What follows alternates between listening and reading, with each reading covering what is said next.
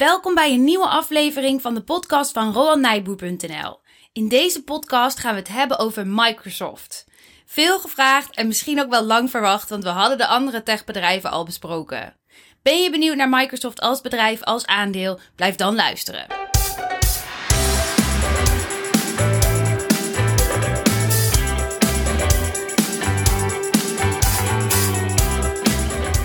Ja, daar zijn we weer. Mijn naam is Barbara. En ik ben Rowan. Ja, en Roan, vandaag gaan we het hebben over Microsoft.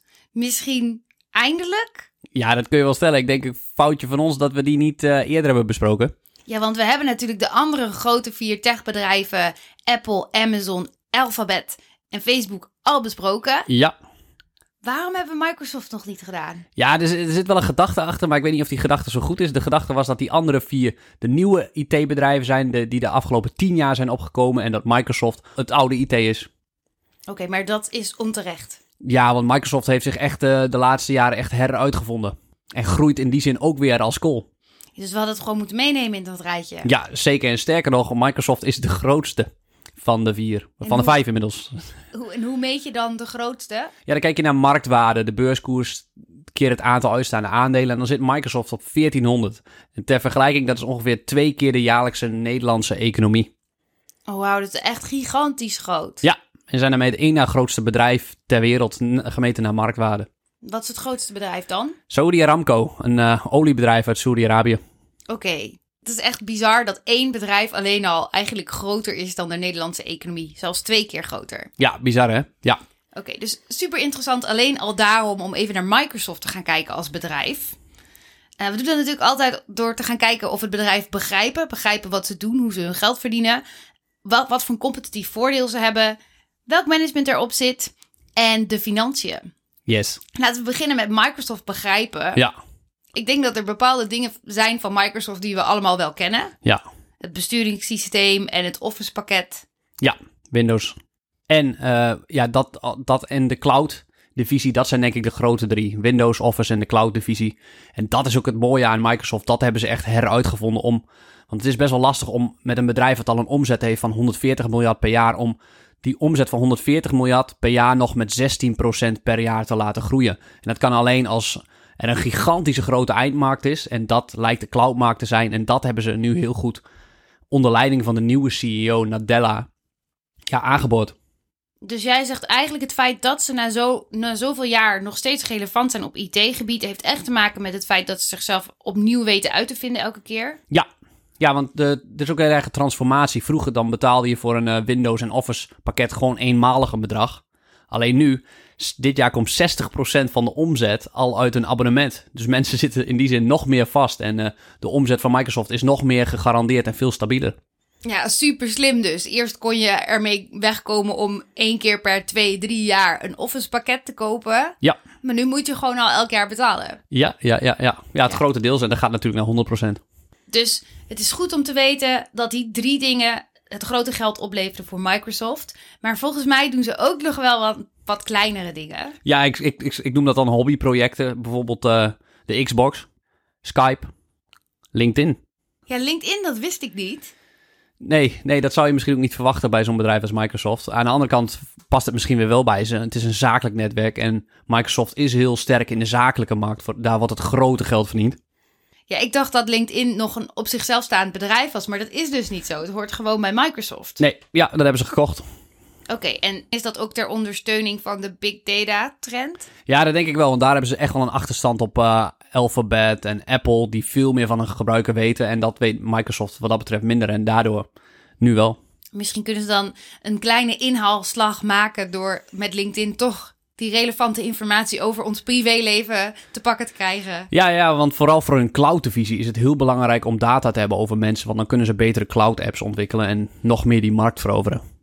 Ja, het is eigenlijk ontzettend slim. Als die eh, techbedrijven ooit samen gaan werken en eh, onze data bundelen Ja, ja, ja. op één plek, dan denk ik dat het heel erg eng wordt. Hoe goed ze ons ken- Misschien kennen ze ons dan wel beter dan wij onszelf ke- kennen. Ongetwijfeld, ongetwijfeld. precies waar wij onze tijd aan besteden of aan verdoen. Ja, ja, ja, ja. En waar we wanneer zijn en zo. Ja, ja, ja. Ja, zien ze patronen die wij nog niet kennen. Zeker, zeker. Oké.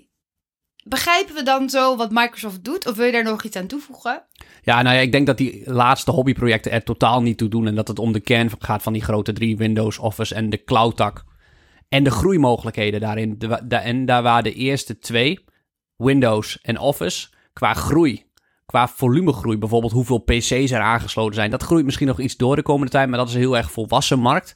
Daar kun je alleen nog groeien door prijsverhogingen. Nou, reken erop dat Microsoft dat doet. En dan kun je ook nog een flinke groei krijgen als je elk jaar de prijzen gewoon met 5% verhoogt.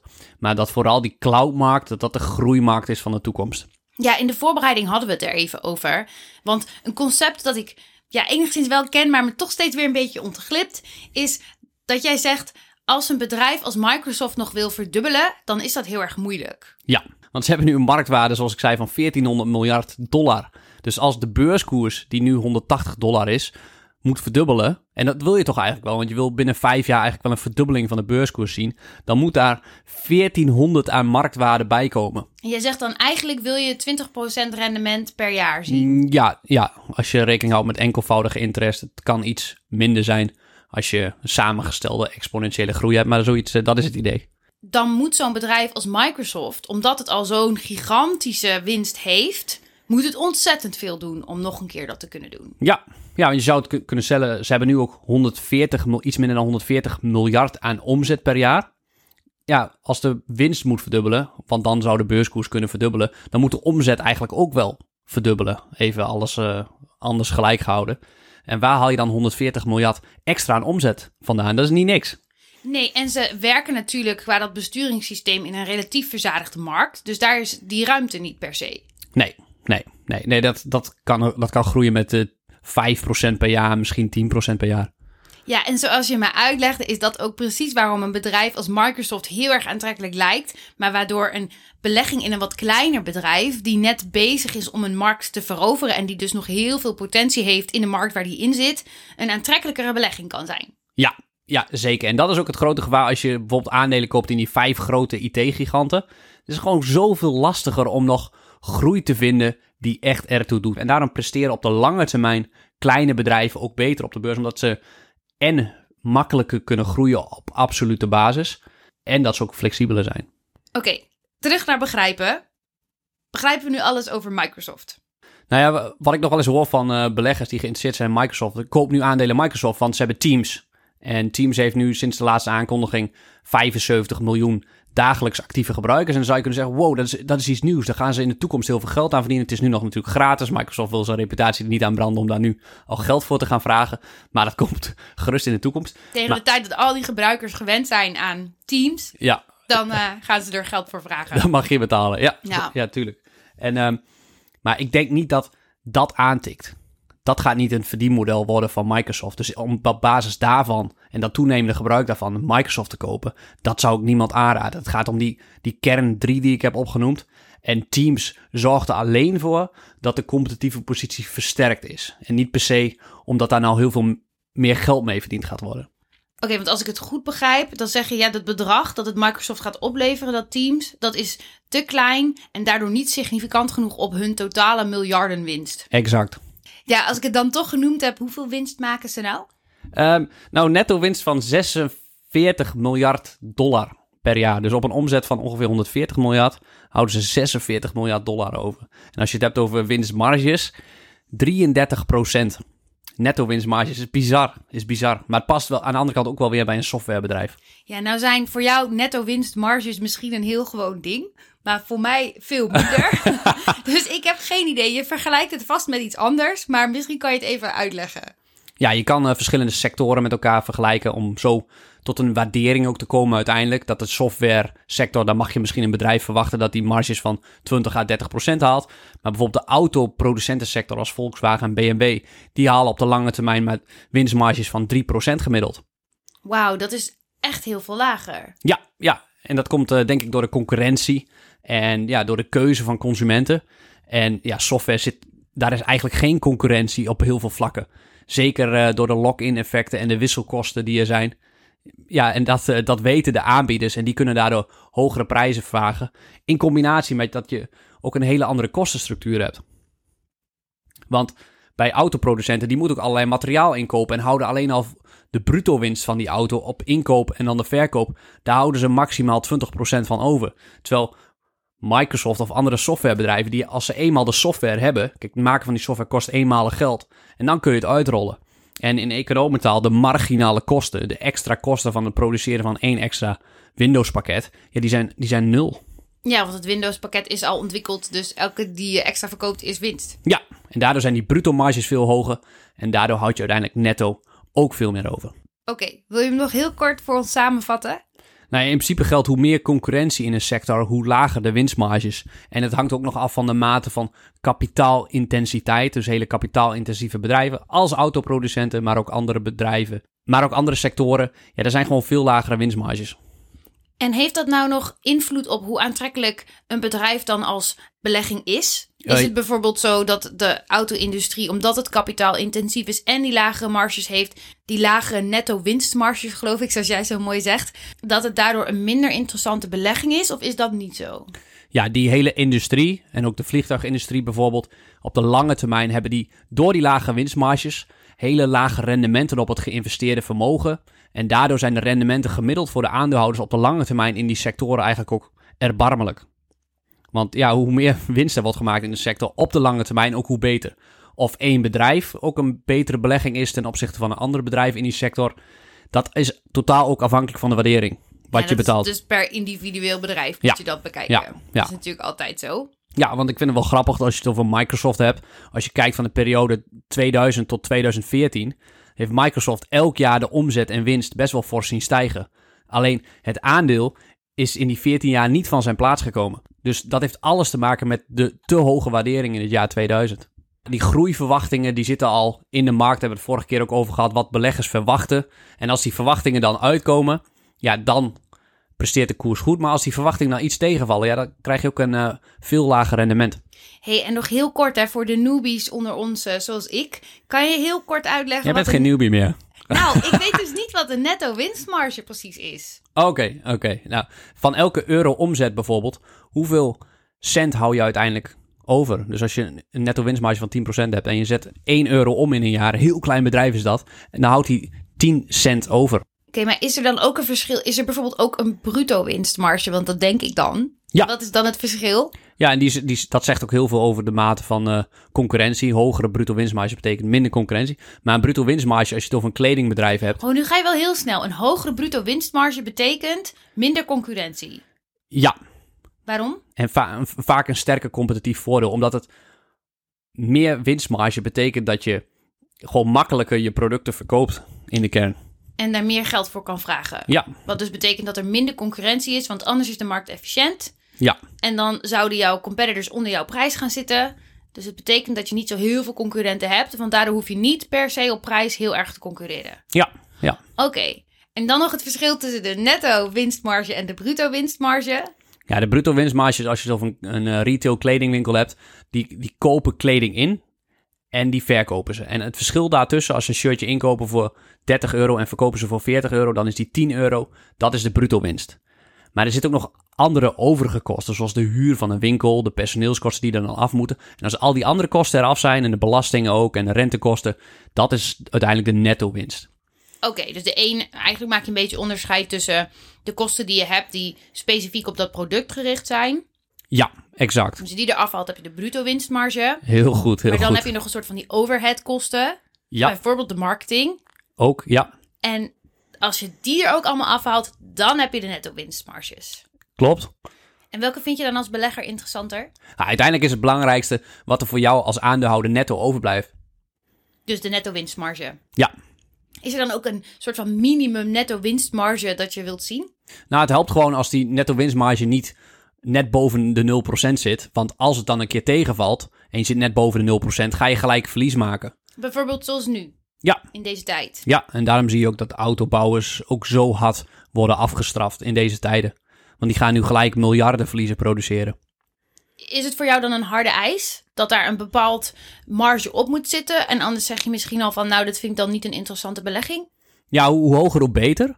Maar kijk, ehm, als je naar Amazon kijkt, die hebben hele lage winstmarges op hun e-commerce activiteiten. En daar is het weer oké, omdat de omloopsnelheid van de voorraad, en nu wordt het misschien heel ingewikkeld, heel erg snel is, waardoor je toch nog een heel hoog rendement op het eigen vermogen kan halen. Je bedoelt dat ze zulke volumes verkopen dat het weer minder uitmaakt? Ja, ja, en dat- hetzelfde geldt eigenlijk voor supermarkten. Oké, lage marges, maar veel verkoop, waardoor je alsnog, alsnog met een hoge winst uitkomt. Exact.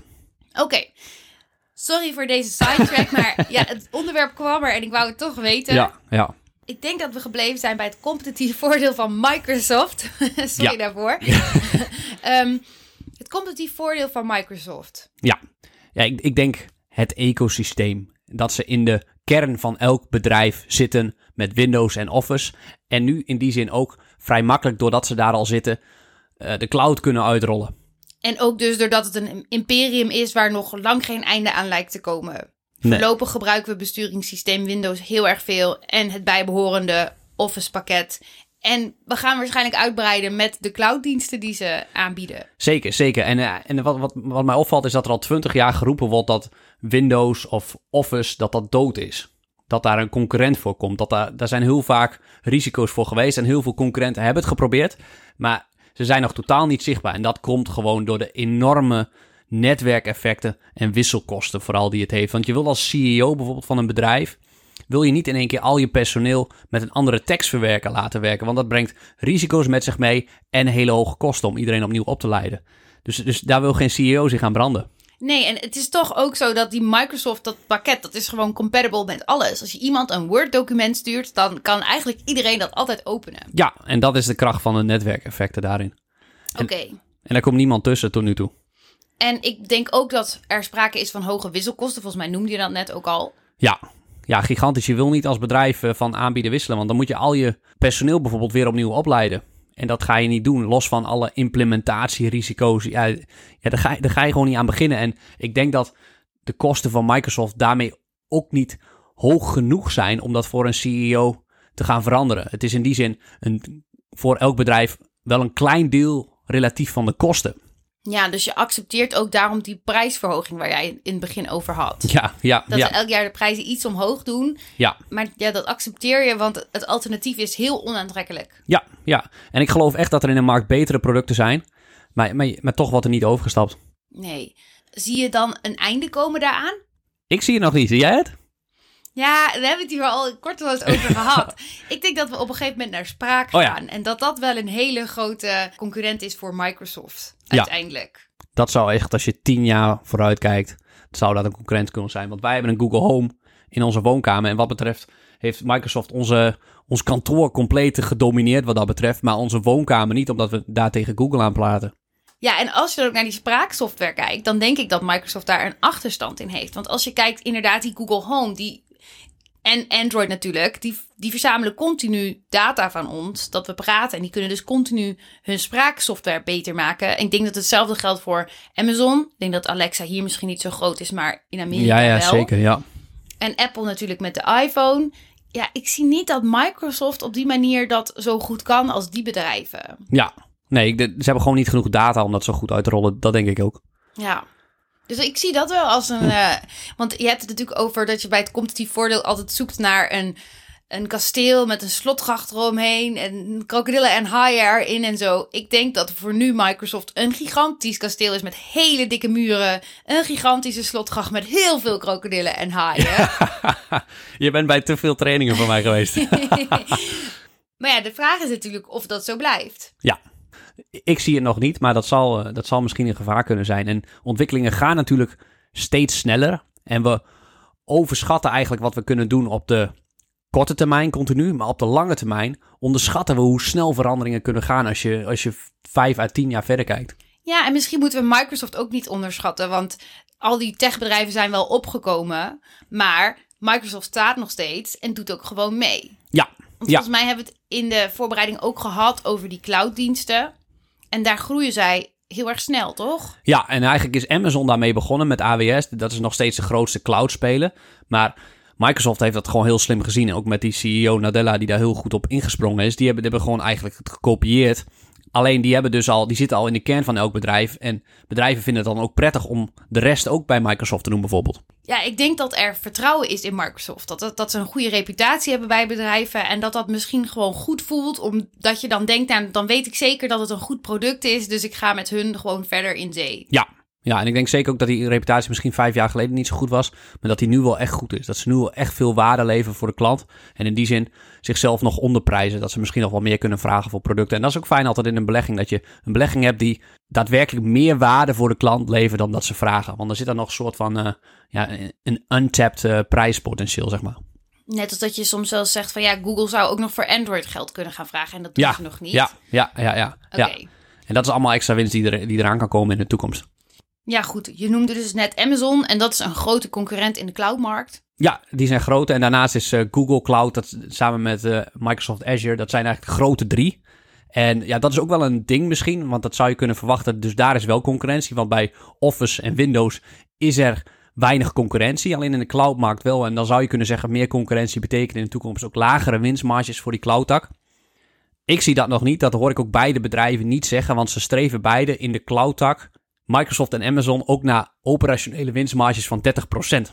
Dus ondanks dat de concurrentie in de markt is, gaan ze allebei nog vies veel geld verdienen daaraan. Ja, dat zijn weer die software marges waar we het eerder over hadden.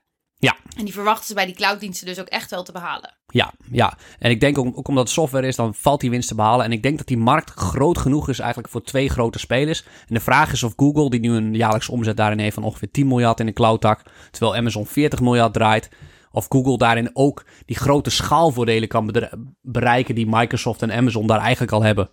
Wil je dan eigenlijk zeggen dat Google hier misschien wel wat achterloopt? Ja, Google uh, loopt hier ruim achter. En voor Google is het ook veel lastiger om bij grote bedrijven binnen te komen, omdat, daar, omdat ze nieuw zijn. Oké, maar daar doen ze ongetwijfeld goed hun best voor. Ja, ja, maar het is wel een beetje een alles of niks poging bij Google. Want als je, als je niet redt om een bepaalde schaal te behalen, dan kun je ook lastig die winstmarges gaan draaien.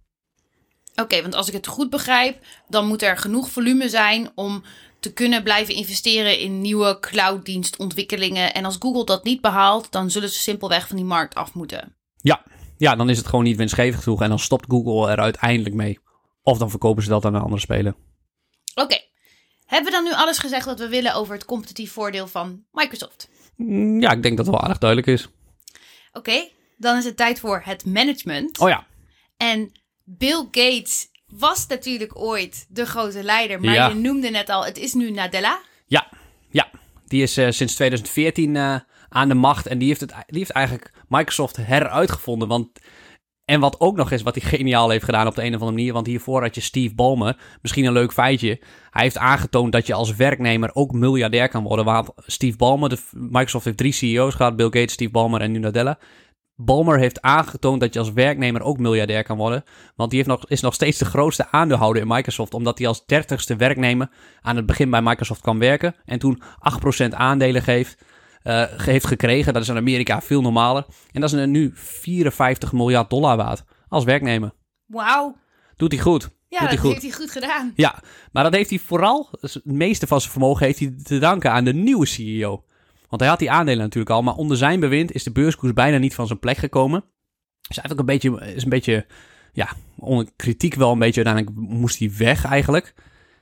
En Nadella, sindsdien, toen hij aantrad, de beurskoers rond de 30, 35 en nu 180. In eigenlijk vijf jaar. Fantastisch rendement. Dat is eh, echt heel knap. Klinkt alsof de markt ook eh, vindt dat daar nu goed bewind gevoerd wordt. Ja.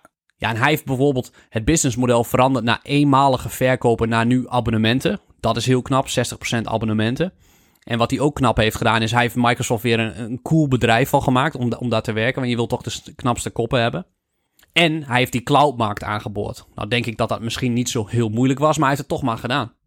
En, maar wat, dat is misschien de geluksfactor daarin, hij is op het juiste moment aangetreden toen de beurskoers en de waardering van het aandeel Microsoft in 2014 ultra laag was. Microsoft op een koers-winstverhouding van iets van 10. Ja, voor zo'n sterk bedrijf. En dan heeft hij ook wel eh, de wind mee, zeg maar. En ja, daarom, succes in Amerika is ook heel belangrijk hoe de beurskoers het doet. Maar hij heeft het toch maar waargemaakt. Hij heeft het zeker waargemaakt. Credits voor hem, zeker. Is er nog meer wat we moeten weten over het management? Nee, eigenlijk niet. Ja, hij heeft nog 243 miljoen dollar aan aandelen. In vergelijking met Bill Gates en eh, Steve Ballmer is dat niet zoveel. Maar eh, ja, hij heeft wel skin in de game, zeg maar. Is Bill Gates überhaupt nog betrokken bij Microsoft? Nee, hij heeft net één of twee jaar geleden het, het commissariaat wat hij had, de adviesfunctie, CEO, is hij al lang niet meer opgezegd om zich eh, te storten op filantropie. Oké. En eh, ja, hij heeft nog wel, eh, hij heeft slechts voor 18 miljard dollar aan aandelen Microsoft. Terwijl hij nog wel de ene rijkste persoon ter wereld is met ongeveer 100 miljard dollar aan vermogen. Dus zijn vermogen, net als wij eigenlijk moeten spreiden tussen verschillende aandelen, doet hij dat ook. Want het merendeel zit gewoon in andere beursgenoteerde bedrijven. Hij is ook goed bevriend, toch? Met Warren Buffett. Ja, ja, ja. Het zijn, eh, ja, het zijn beide eh, heel rijk. ik vind, wat is hun favoriete restaurant, denk je, van beide?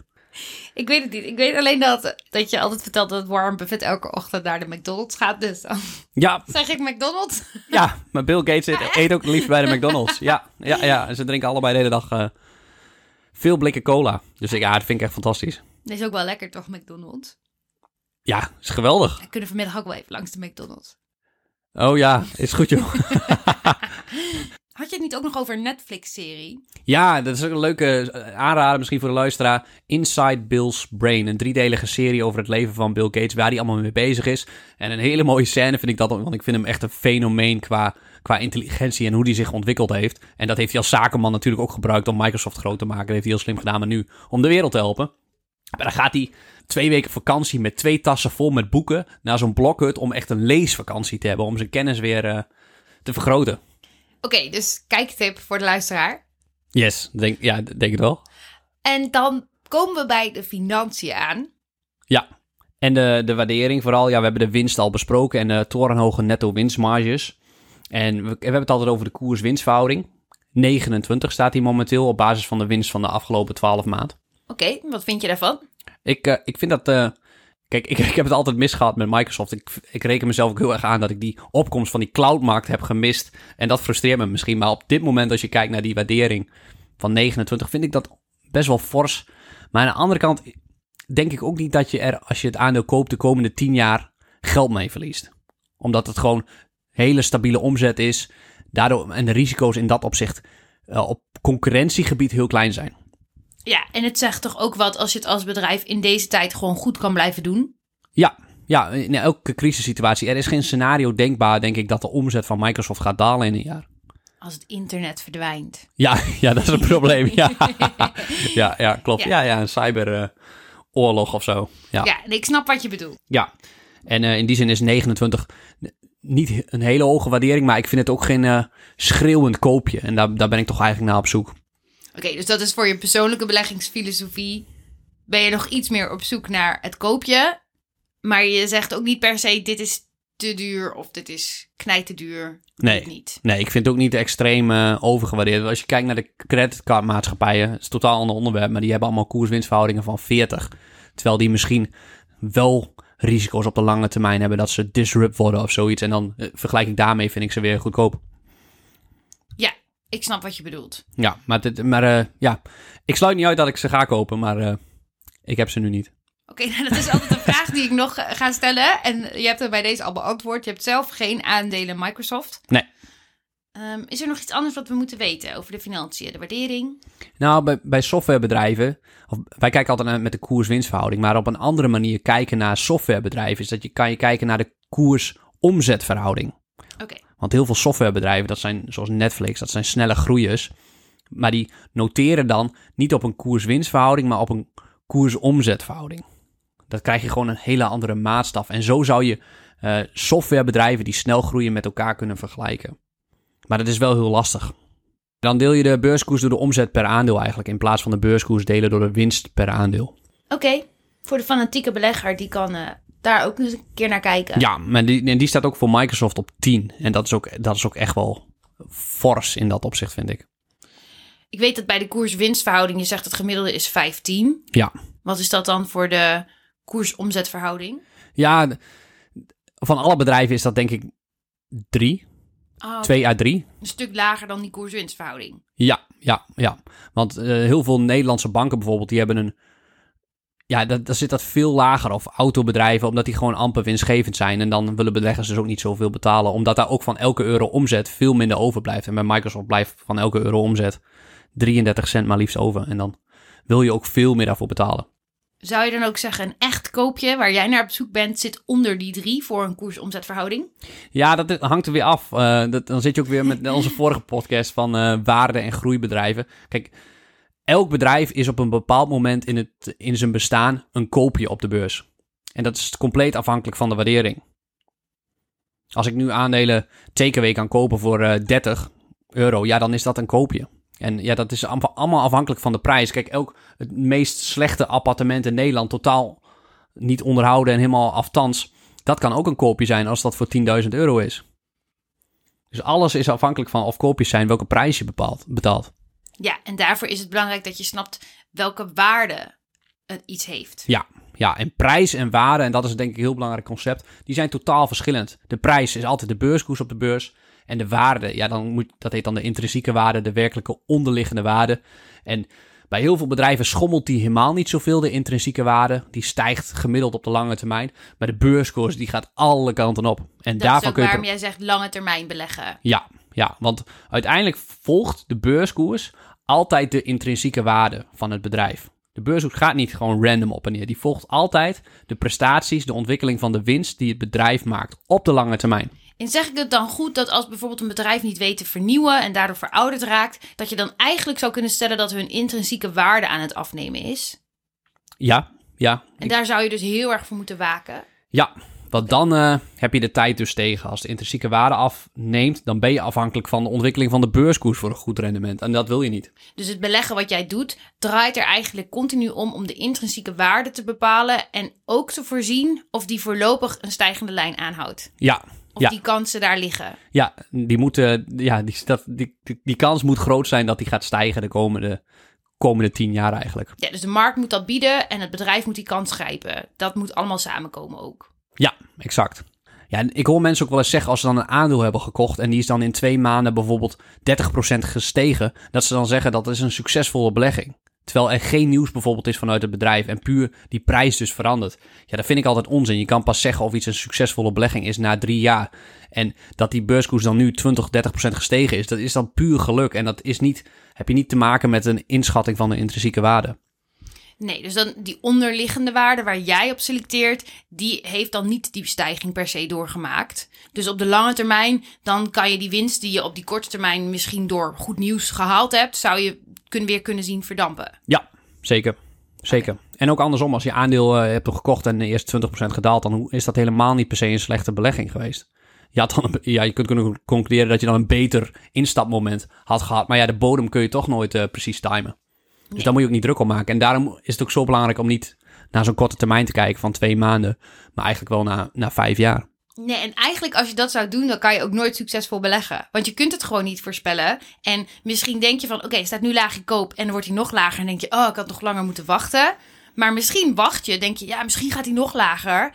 En is er morgen in één keer nieuws en wham, gaat hij weer omhoog. Heb je gewoon überhaupt de boot gemist. Ja, ja en daarom eh, is ook dat degenen die uit de markt zijn, de mensen die niet beleggen, ja, dat zijn op lange termijn de grote verliezers. Je moet zoveel mogelijk altijd in aandelen zitten in de markt, want op de lange termijn stijgt dus die intrinsieke waarde. Dus de trend op de lange termijn is dat die beurskoers omhoog gaan. En als je zoveel op de korte termijn gefocust bent, ja, dan blijf je, ben je heel snel geneigd om uit te stappen en dat is niet handig. Ja, en met lange termijn bedoel jij van, in de meest ideale situatie zit je minstens 30 jaar in aandelen. Ja, Dan maak je optimaal gebruik van die stijging van die intrinsieke waarde die eigenlijk altijd plaatsvindt. Mits Ja. je gezonde bedrijven hebt. ja, Eh, denk je dat we de risico's nog moeten bespreken? Of kunnen we wel concluderen dat dat dezelfde risico's zijn die we ook bij de andere techbedrijven zien? Namelijk het risico van regulatie, dat ze misschien worden opgesplitst of dat ze in de toekomst meer zullen moeten gaan betalen. boetes, ja. Boetes, ja. Ja, ik denk dat dat voor de lange termijn het grootste risico is. By far, ja. Dus verder niets, niets aan toe te voegen. Volgens mij hebben we veel besproken en ook technisch deze podcast. Is- Ja, ja, ja. Maar dat is alleen maar goed, denk ja, ik. ja, ik hoop dat mensen dat leuk vinden. Ja, we zijn wel benieuwd. Eh, Laat het ons vooral weten als je er iets van vindt, nog vragen hebt of eh, als het te moeilijk was of misschien wel te makkelijk. Ja, en waar ik ook wel benieuwd naar ben, als ik nog een oproep mag doen voor de diehard luisteraar die tot hier heeft volgehouden, is: ehm, ik ben heel benieuwd naar de dynamiek in de cloudmarkt. Dus je hebt Amazon, Google en M- eh, Microsoft. Wie levert nou het beste product voor, eh, voor, de, voor de juiste prijs? Ah, dus jij bent op zoek naar die techneut die hier wat van weet Ja. en jou daar eens wat wijzer in kan maken. Ja, want als belegger ben je toch een generalist. En ik zoek ook eh, specialisten die daar meer over kunnen vertellen. En daar heb ik nog niet zoveel grip op. Of nou AWS beter is of Microsoft met Azure. En dan vind ik dat je er ook wat tegenover moet zetten als eh, iemand zijn diensten aanbiedt. Online cursus doen. Nou, of misschien eh, een sparringssessie met jou. Ja, ja dus graag bellen als je er veel van weet. Het telefoonnummer doen we wel even op de website.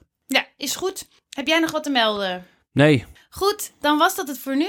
mooi zo. Hartelijk dank voor het luisteren. En Bedankt tot voor de het volgende keer. luisteren. Tot ziens. Hoi.